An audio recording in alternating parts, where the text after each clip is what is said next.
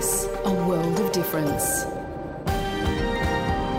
You're with SBS Somali on mobile, online, and on radio.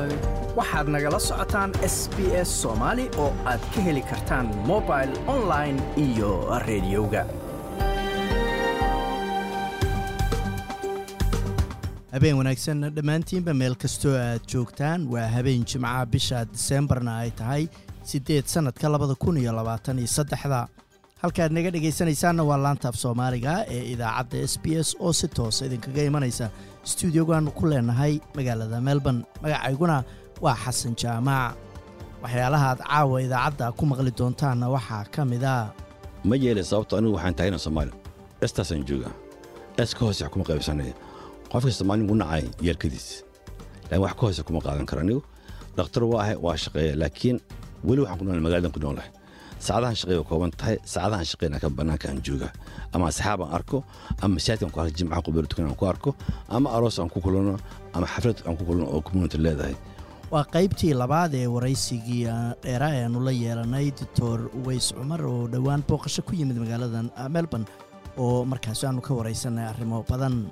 It's essential to recognise the importance of these creatures in maintaining the health of our oceans and the broader environment.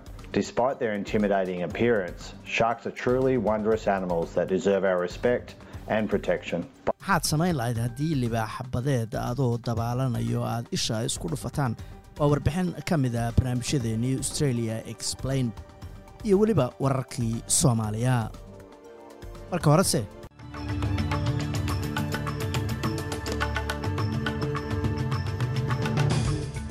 wararka caawana waxaa ugu waaweyn kaaliyaha wasiirka arrimaha dibadda dalkan australia oo israa'iil booqanaya dhibanayaasha rabshada qoyska oo gargaar ku heli doona fariimaha telefoomka ama waxaa tekstiga loo yaqaano iyo warar kale ee u diyaar garooba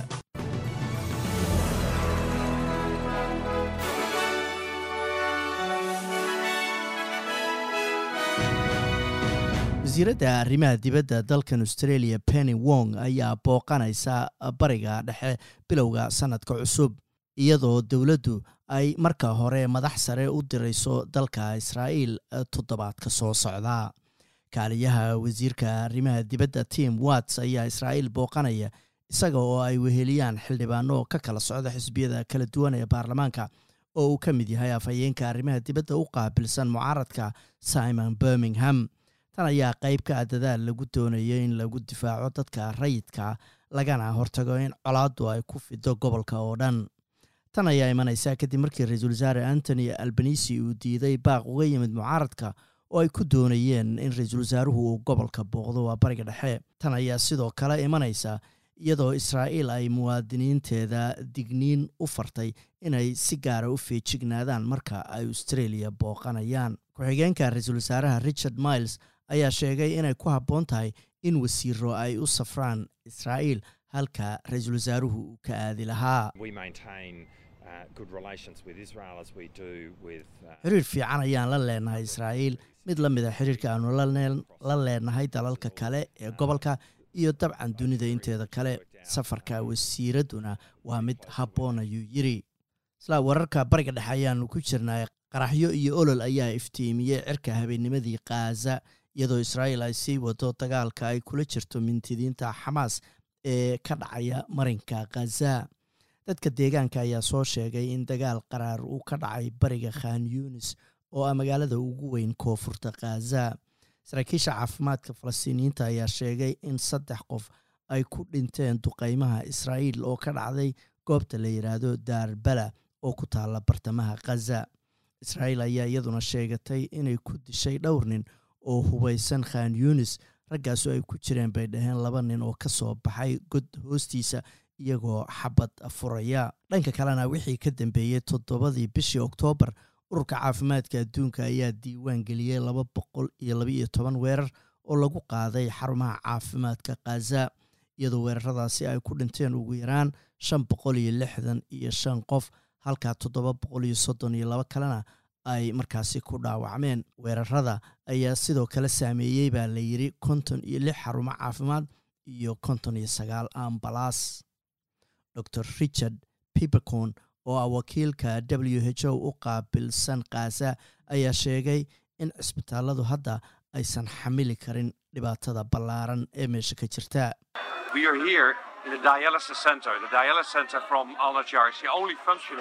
Waxaanu ku sugannahay xarunta keliyaha dadka looga sifeeyo. Alnajar waa xarunta keliya ee hadda shaqaysa oo keliyaha lagu dhaqo. Caadiyan waxay daaweyn jirtay boqol bukaan maalintiiba.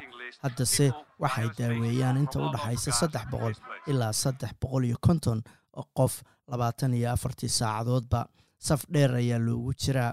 Dadka keliyaha looga dhaqayo ee halkan joogana waxay ka kala yimaadeen ayuu yidhi khaza oo dhan nin ayaa la qabtay kadib markii xabado laba goor lagu furay bannaanka tembal ay dadka yuhuudda ahu wax ku caabudaan oo ku yaalla new york. Saacada uun ka hor xuska dadka yuhuudda ee hanuka la yidhaahdo maamulayaasha maraykanka ayaa sheegay in qofna uusan ku dhaawacmin toogashadaasi ka dhacday tembalka israa'iiliyiinta ee ku yaalla olbany ee gobolka new york. Dhibanayaasha rabshada qoyska ayaa wixii hadda ka dambeeyay awoodi doona ayaa layidhi inay helaan talooyin u gaara iyo taageero ay ku helaan fariimaha telefoonada ama text messageska waxaa la yidhaahdo tan ayaa qayb ka ah barnaamij cusub oo loogu talagalay in dadkaasi loo sahlo gargaarka iyo taageerada ay u baahan yihiin. Wasiiradda adeegyada bulshada dowladda federaalka amanda rishworth ayaa maanta nidaamkaasi soo bandhigtay iyadoo taageerada dhanka fariimaha ee lagu helayo telefoonka respect hadda ay dadkaasi diyaar u yihiin labaatan iyo afartii saacadoodba toddobada maalmood oo dhan. Tan oo la mid a midii ama gargaarkii ay ku heli jireen dhanka telefoonada iyo dhanka online-ka. Xogeyaha arrimaha dibadda maraykanka antony blinken waxa uu sheegay in taageero buuxa ay dalalka naata u hayaan ukraine dagaalka ay kula jirto ruushka. Booliska ayaa sheegay in looga shakiyey toogashadii ka dhacday jaamacadda nevara ee gobolka las vegas. Uu haystay liis dheer oo iskuulle uu doonayay inuu dad ku laayo. Ayna ka mid ahaayeen east carolina university oo north carolina ku taala. Shariifka deegaanka clare county kevin mikail ayaa sheegay oo ku tilmaamay ninkanu inuu ahaa lixdan iyo toddoba jir la yidhaahdo antony bolito. Bolito ayaa horey wax uga dhigi jiray ayaa layidhi oo macallin ka ahaa jaamacadda east carolina university. Sida laga soo xigtay saraakiil aan magacyadooda sheegin. Haddana waa cimilada iyo berita oo sabtiya bisha decemberna ay tahay sagaal. Magaalada bet waa cadceed iyo labaatan iyo sideed adelaide waa roobab yaryar iyo toddobiyo toban digrii melbourne sidoo kale roobab yaryar iyo sideed iyo toban digrii sydneyse waa dabaylo iyo soddon iyo shan digrii bay gaaraysaa brisbane inta badan waa daruuro iyo labaatan iyo sideed digrii halka australian dollara waxaa lagu sarrifayay lixdan iyo lix senti oo lacagta maraykanka ah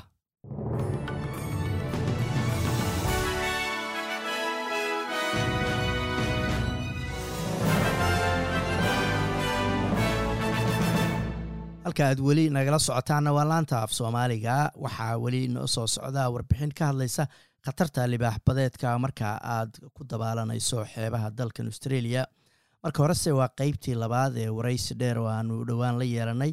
Doctor ways cumar oo ah dhakhtar fadhigiisu yahay magaalada beth ee gobolka west australia. Dadka qaba ka waran doctorow inta soomaaliya ay qabyaaladii weli ka jirto dhibaatadii ka jirto nidaamkii dowladnimada uusan weli saldhigan dadka halkan waxay ka turjumaan un wax wadankii ka socda. Marka adigoo kale doctora ma laga yaabaa inaad wadankii laftigiisa isku daydid bahalkaas inaad ka joojisid ama la dagaalanta okay waa arrin su'aal muhiima xasan. Laakiin waxaan ku sheegay xasan waxay dhahaan cadaanku if you wanna change be the change. Haddaad dhinax bedesho aduu isbeddel marka hore anigu waxaan iska bilawnaa isbeddel marka hore marka waxaan bedel rabaa dadka ii dhow marka intaan soomaaliya gaarin aan dalka u gudbin qasab maaha in dadka soomaaliya jooga. Aan la fikir ahan annaga anigu waxaan joognaa australia qorbaan joognaa. Waxaan ku joognaa magaca soomaaliyeed magaca qabiilku ma joogani haddaan soomaaliya aana soo jeeda marka dadka halka jooga marka waa inaan diyaariyaa oo aan baraa soomaalinimo. Xasan wax walba qofaa bilaaba. Shumcan hadduu mila ka shidmo wuu isgaarayaa marka waxaan rabaa haddaan bilaabo kambeyn ah in aan soo saaro ubad soomaaliyeed oo soomaalinimo ku faanayo meesha rabaan adduunka ka bilaabmaan waxaan jeclahay meel baan gaarsiin doona haddaan noolahay haddaa dhintan qof kalkasi qaadi doono. Marka inay noqoto meel wuxuun laga bilaabay in ilmaha loo jeeya jiha soomaalinima loo tabarbaariya haddaan hayn dadka odayaasha waayeelada ee komunitayaasha xukumaan inay u baneeyaan carruurta ee ayagu dhiibaan xilka laakiin ayagoo soomaali ah. Ma soconaysa in aabbayaashii iyo hooyooyinkii is haystaan qabiil isku haystaan. Xasan waxaa wax laga faanaa in maalmalba xafid qabanaan dhahano waa calaamisaarkii puntland waa sanadguuradii jubbaland waa sanadguuradii galmudug waa hirshabel imi anaga waan konfis ku ridnay sababtoo ah hirshabel waxaa imaanaya keliya wiilasha u dhashay meeshaas habeenkaas imaanaya tumanaya ama music cayaaraya kuwa kale ma soo raaci kan sababtoo they don't belong to that group. hay puntland wiilasha saaxiibada mida ku haraya banaanka mid kala soo galaya wax laga xishoodo maxaa diida inaan samaysano wax soomaalida waa leedahay haddii isku hayskooda luuli maalin kala samaysta oo halla soomaaliya day laga dhigo laakiin waa inaan ka kornaa meesha aan maanta joogno haddii aan rabno inaan soo saarno ummad bisil dhalinyaro bisil oo dalka wax ka qabata berito. Waa gartay adiga fadhigaagu waa magaalada bet ee west australia. Barnaamijyadan oo kale sidee ula wadaagtaa bulshada bet ma jiraa barnaamijya aad samaysiin ama aad ka qayb qaadataan oo qabyaalada iyo kala qaybsanaanta iyo bulshada markaas lagu wacyigelinayo? Horta xasanow anugu fariinteedu waxay ka bilaabataa marka xafiiska ila yimaado kow bidhaant hores qofka soo gala xafiiska waxaa arkayaa calanka soomaaliya meesha saaran. Horta meesha u horey kaas inuu arko qof inaan soomaali ahay. Soomaalida aan ku faano. Qofkii imaada bukaanka dhalinyaraha ahaadaan albaasigu imaada qofkaas wuxuu dareemayaa inaan ahay qof soomaali ah dhakhtar soomaali ah. Aan ahayn qof qabiil ah.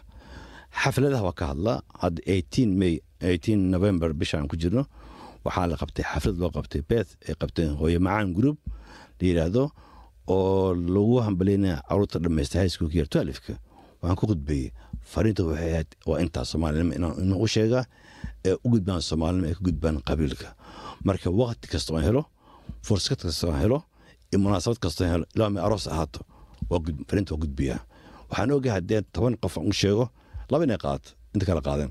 Laakiin aan very happy laba iga ogolaatay. Marka waxaan rabaa fariin aan noqdo ambassador furan oo u furan inuu soo nooleeyo dawaala soomaali ah. Waxaan rabaa inaan arka intaan dhiman ma soomaali ah. Waa gartay xafiis baa kuu furan g b baa tahay beed dadkaad aragtaa waa daaweysaa. Sidee isugu helaysaa waktiga marka aad dhakhtarnimadaada iyo howlahaaga wadato? Mase laga yaabaa howlaha qabyaalada iyo gobolaysiga ee soomaaliya waa wax dhib badan inay sumcadaada dhakhtarnimo wax yeesho hawshan aad ku jirtid. Ma yeelay sababto anigu waxaan taagana soomaaliya estaasaan joogaa es ka hoose kuma qaybsanaya. Qofka soomaali ugu nacay yeelkadiis. Laakiin wax ka hoose kuma qaadan karo anigu. Dhakhtar waa ahay waa shaqeeya. Laakiin weli waxaan ku nool magaaladan ku noolahay saacadahan shaqeeya kooban tahay. Saacadahan shaqeyna kan banaanka aan jooga. Ama asxaab aan arko ama masaajidkan ku arko jimcaha qubeyr tukan aan ku arko ama aroos aan ku kulano ama xaflad aan ku kulano oo community leedahay.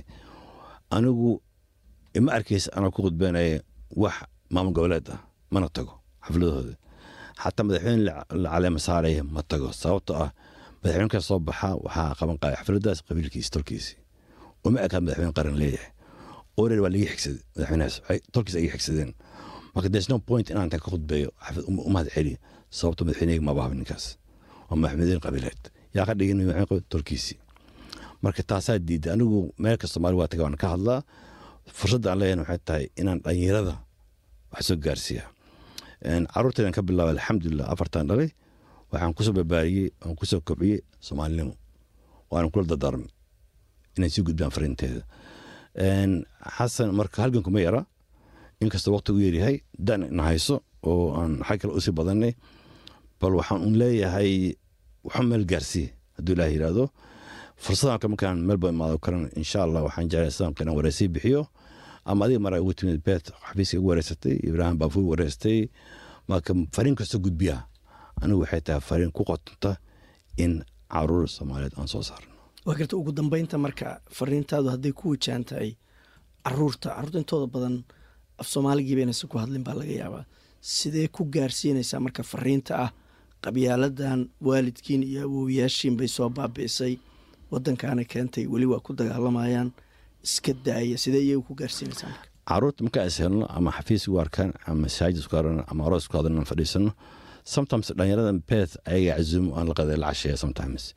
English baan kula sheekaysta aan fariinta ku gaarsiiyaa waxaan ku dhiirigaa inaa soomaaliya bartaan sababtaa soomaaliya waxaan ku yidhi waa waxa keliya ee kugu xiraya oo kaamil ka dhigaya soomaalinimadaada ee kugu xiraya dhaqankaadii dahdii diinta inaad sifan baratid marka caruurtu waxaan ku gaarsiyaa fariinta luqad kasta yaqaanin english ahaado soomaali ahaado. Qaarkood maxaan ku radaa hadda waxay bareen english luqada soomaaliya bartaan. Waxaan ilaahay mahadiisa maanta inay jirta gabar walaashan oo nala nala joogta nimco nuur oo bugaa soomaaliya qorta anigu waxbaan ka iibsaday bees baan geen doon dulaah yiraahdo in caruurtana loo la baraa luqada soomaaliga ah oo loo halgamaa. Hadda waxaan ku jira halgan in lagu daro manhajka waxbarashada wasamsi in lagu daro afka soomaaliga. Ilaahay la garab galo halganka waan bilaabay meel buu imaraya hadduu ilaah yiraahdo. Marka fursad kasta iyo meel kasta iyo goob kasta iyo luqad kasta waa ku gaarsiyaa dhalinyarada inay soomaali noqdaan. Doctor weys marka fariintaada u dambeysa dadka dhegeystayaasha aada uga tegeysa maanta maxay tahay? Fariinta ugu dambeysa waxay tahay aan wataya dadka soomaaliya haddii aan rabno inaan dib u yaglayno qaranka soomaaliyeed oo aan soo saarno intay dhimato waa dhimata naxariista waxaan qasi karin waa qasnay aan isla xisaabtan annaga dhabahan ku socon dhaba saxe ma yahay. Ma aha. Marka maxaynoo dan ah waxaynoo dan ah qabiilkan soddon sana ka badan ragaadiyey. Inaan ma iska dhigno? Aan bal fursad siina soomaalinimada kaasina wuxuu ahaa doctor weys cumar oo ah dhakhtar ka howlgala magaalada beth ee gobolka west australia. Waraysigaas oo dheerna waxaad ka dhegaysan kartaa website-ka s b s soomaali oo ah www s b s com au xariijin soomaali